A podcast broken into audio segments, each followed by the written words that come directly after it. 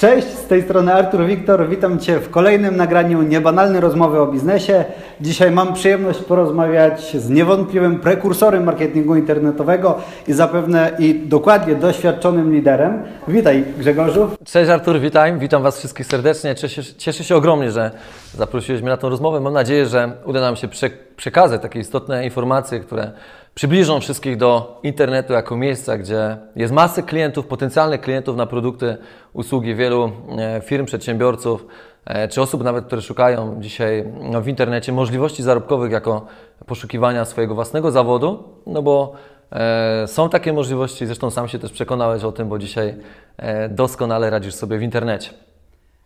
Grzegorzu, mam kilka pytań.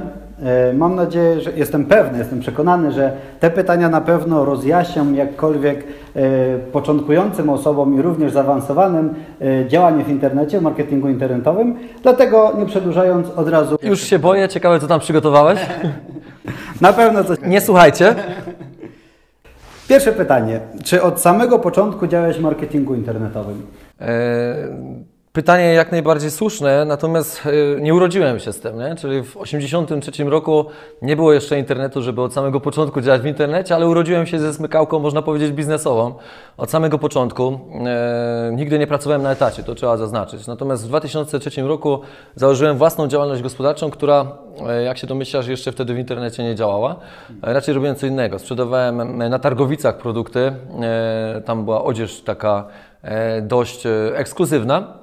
Później postanowiłem dopiero w 2010 roku spotkałem się pierwszy raz z czymś takim jak webinar. Prezentacja pewnej firmy, która mnie zainteresowała, było to FMCG, produkty szybko zbywalne w branży kosmetycznej. No i jak zobaczyłem ten webinar, to kiedy schodziłem, pamiętam na strychu miałem takie biuro, gdzie przesiadywałem e, i szukałem pewnych rozwiązań. No nie, czyli czegoś więcej, bo widziałem, że ta branża odzieżowa gdzieś tam siadała, już lekko markety, hipermarkety powstawały.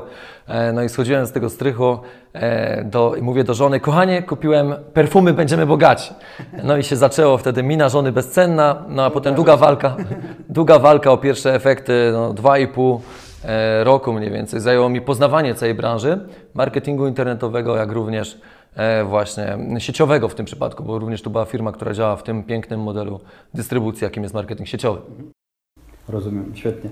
E, powiedz mi, jakie są główne różnice biznesu stacjonarnego od właśnie marketingu sieciowego? Z tego względu, że i tutaj, i tutaj tak naprawdę działałeś, więc kto jak kto, ale Ty na pewno te różnice tutaj możesz wymienić. Tak, przypomina mi się od razu, kiedy miałem 18 lat, E, właściwie od 14 e, lat już e, pracowałem przy drodze sprzedając arbuzy. No i wtedy pierwszy raz poczułem, można powiedzieć, takie.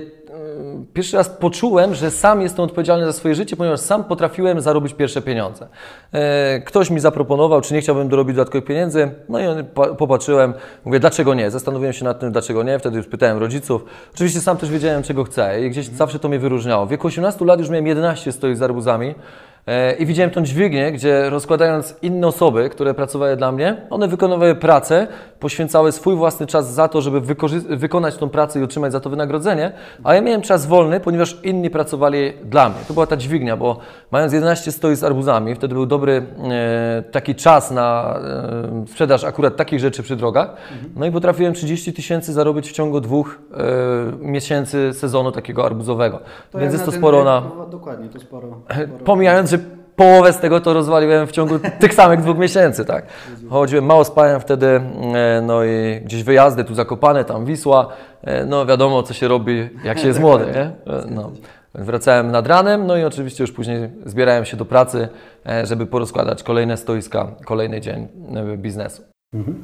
Więc jakie są główne różnice pomiędzy no tak, wracając, wracając do sedna. W biznesie stacjonarnym, jeżeli e, wykonujesz go sam, to jesteś uzależniony tylko i wyłącznie od siebie. Twoja efektywność nigdy nie będzie większa od czasu, który możesz poświęcić właśnie temu biznesowi. Natomiast w marketingu sieciowym jest to, że są tam dźwignie, dźwignia czasu, e, dźwignia osób, jak również dźwignia pieniędzy. Czyli za małą inwestycję możesz rozwijać biznes o długich, dużych, można powiedzieć, możliwościach.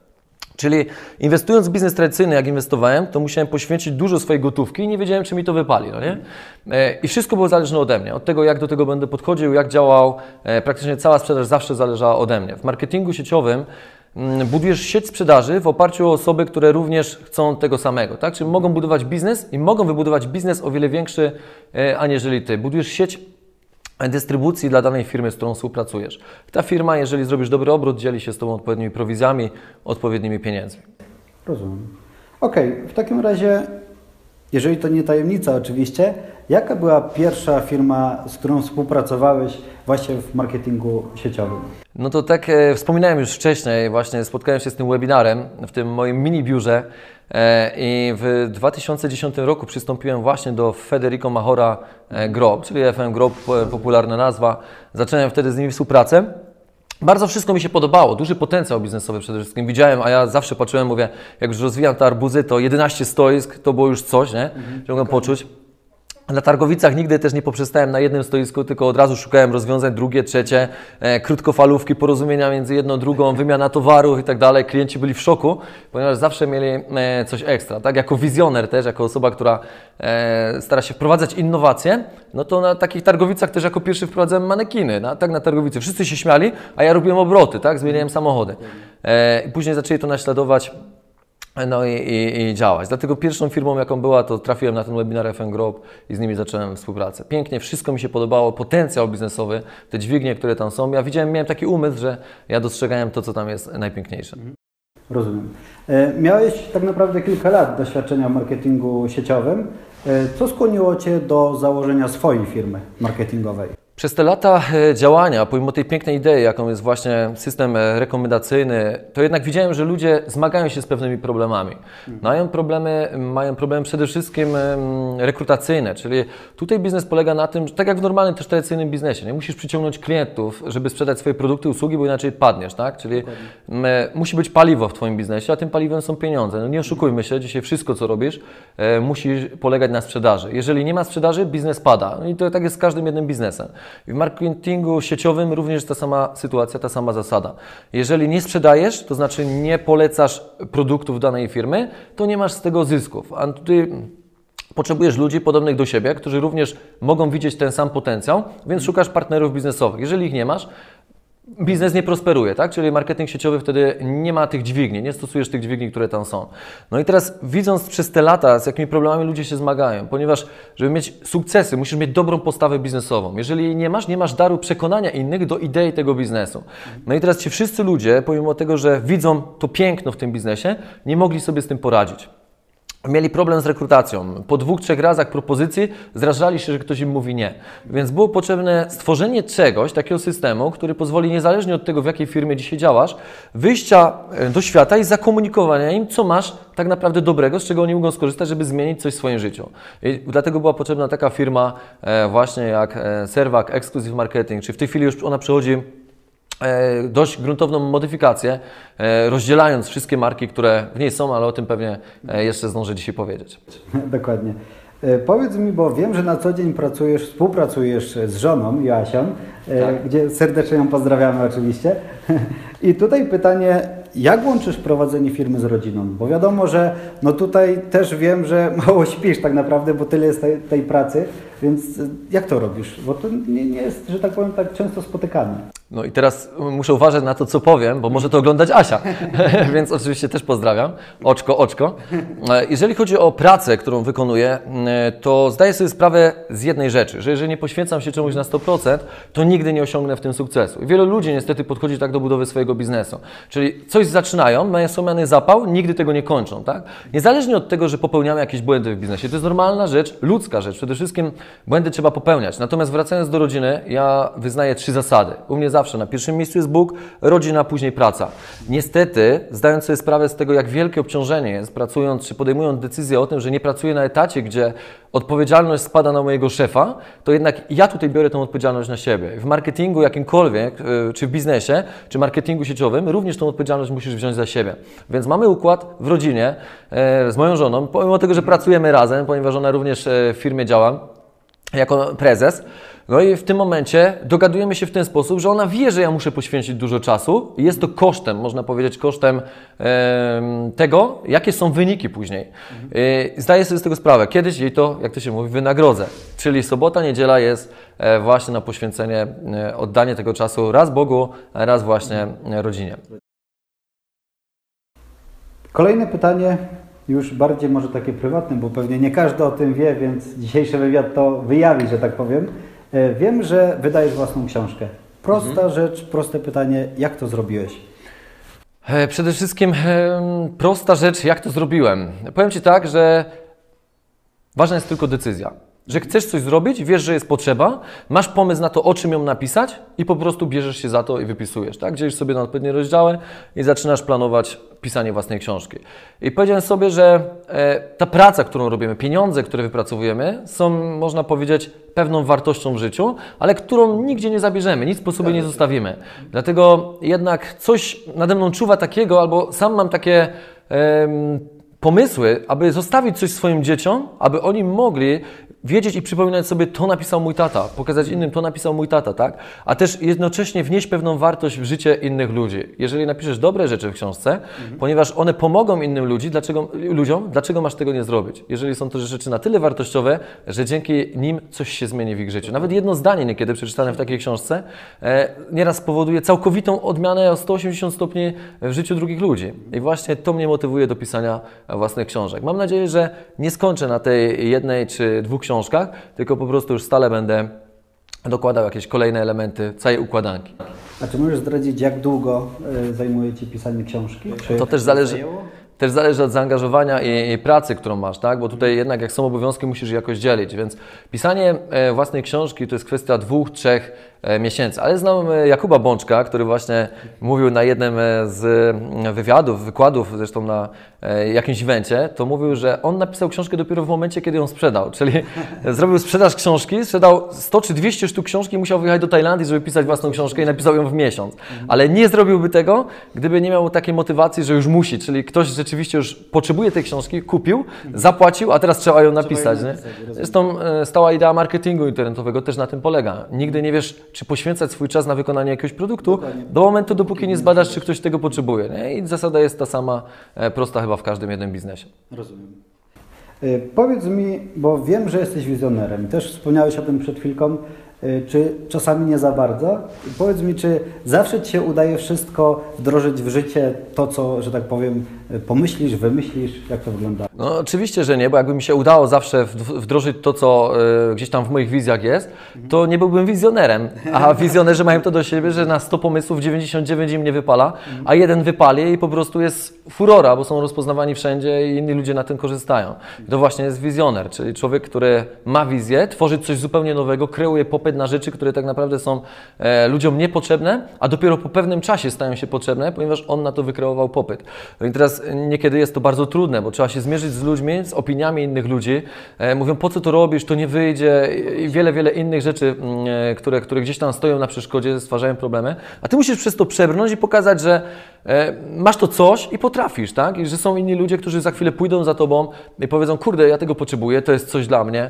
No i wygrywasz wtedy w życiu wszystko i to jest piękne, tak? Nieważne jest, ile razy padniesz, ważne jest, żebyś za każdym razem się podniósł i, i szedł w swoim kierunku, w, w kierunku celów, które sobie gdzieś tam wytyczasz.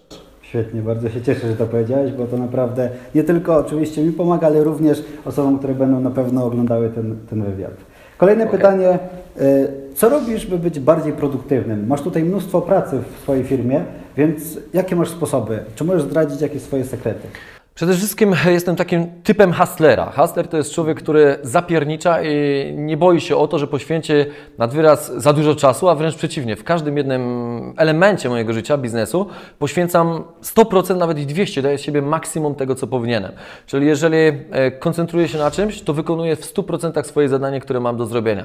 Ale też e, jako wizjoner mam pewną wadę. Nigdy nie będę dobrze liczył, nigdy nie będę dobrze, e, można powiedzieć, czuł się w papierkach, w dokumentacji. To nie są moje rzeczy, tak? Ja lubię, jako hustler jestem dobry w różnych elementach i za każdym razem, kiedy coś rozpędzam, potrzebuję ludzi, którzy będą wykonywać doskonale i nadawać się na dane stanowisko, które uzupełniają. Więc po prostu, jeżeli dochodzę do pewnego momentu, e, że mówię, OK, przyszedł czas na to, żeby zastąpić osobą lepszą ode mnie. W tym momencie wchodzi ktoś lepszy, ja zajmuję się tym, co robię najlepiej, czyli tworzeniem, wymyślaniem, wizjami, wdrażaniem ich i potem biorę osoby, które przejmują moje stanowiska na danych funkcjach, tak? I wtedy jestem produktywny, o wiele lepiej mi wychodzą biznesy, czy budowa, e, czy działanie w jakikolwiek biznes.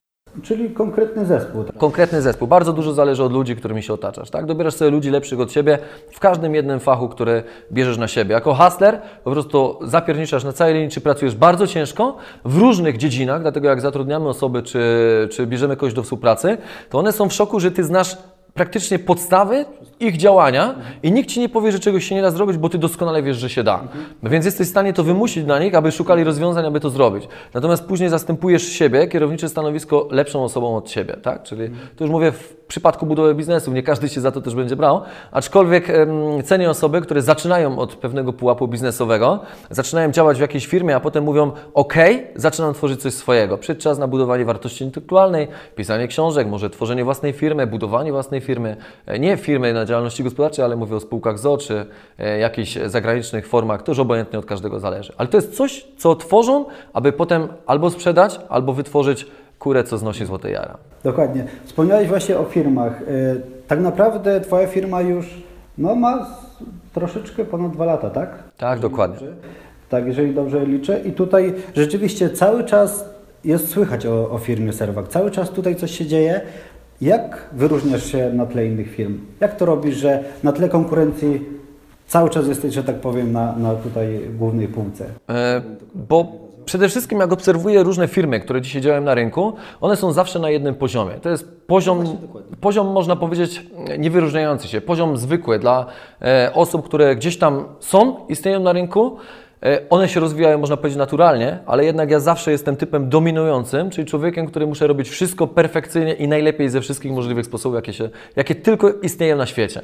I wtedy e, ustawiam firmę w taki sposób, aby nas było słychać wszędzie, aby każdy wiedział, niezależnie od tego, czy są to dobre, złe em, opinie, czy, czy mm, e, złe sugestie innych osób, ważne jest, żeby o Tobie mówili. Nieważne w jaki sposób. Ważne, żeby o Tobie mówili, ponieważ zapamiętują wtedy Twoją markę.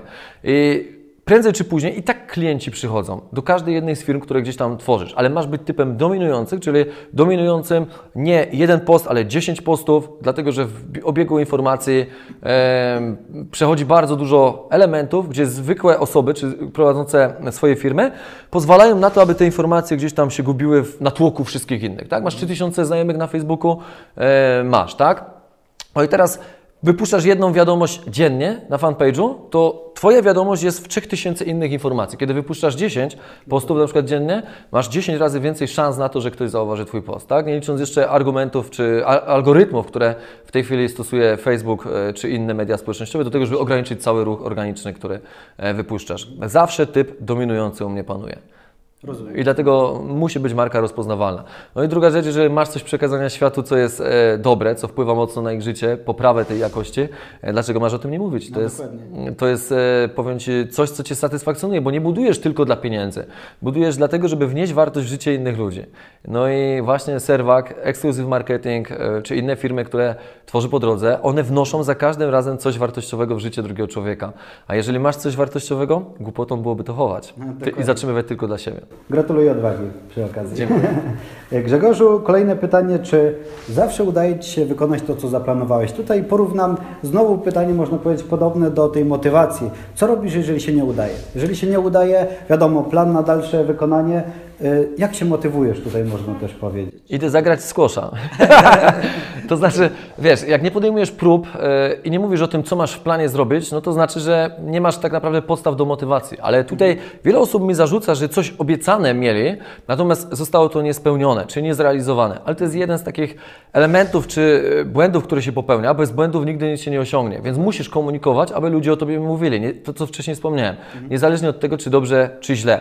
Natomiast jeżeli ponosisz rzeczywiście jakąś porażkę, która ci się przydarzyła, to padasz, owszem, ale ważne jest, jak do tego podchodzisz i, i jak wstajesz. Na drugi dzień y, biorę, czytam książkę, motywuję się, y, trafiam na jakieś książki dotyczące sprzedaży, dotyczące e, prowadzenia biznesów i po prostu z powrotem wstaję, tak jak prawdziwy biznesmen, jak człowiek, można powiedzieć, sukcesu i traktuję siebie w swoich celach tak, jakbym już te sukcesy osiągnął. Dlatego dla mnie jest nieważne, że ponoszę po drodze porażkę, coś jest niespełnione.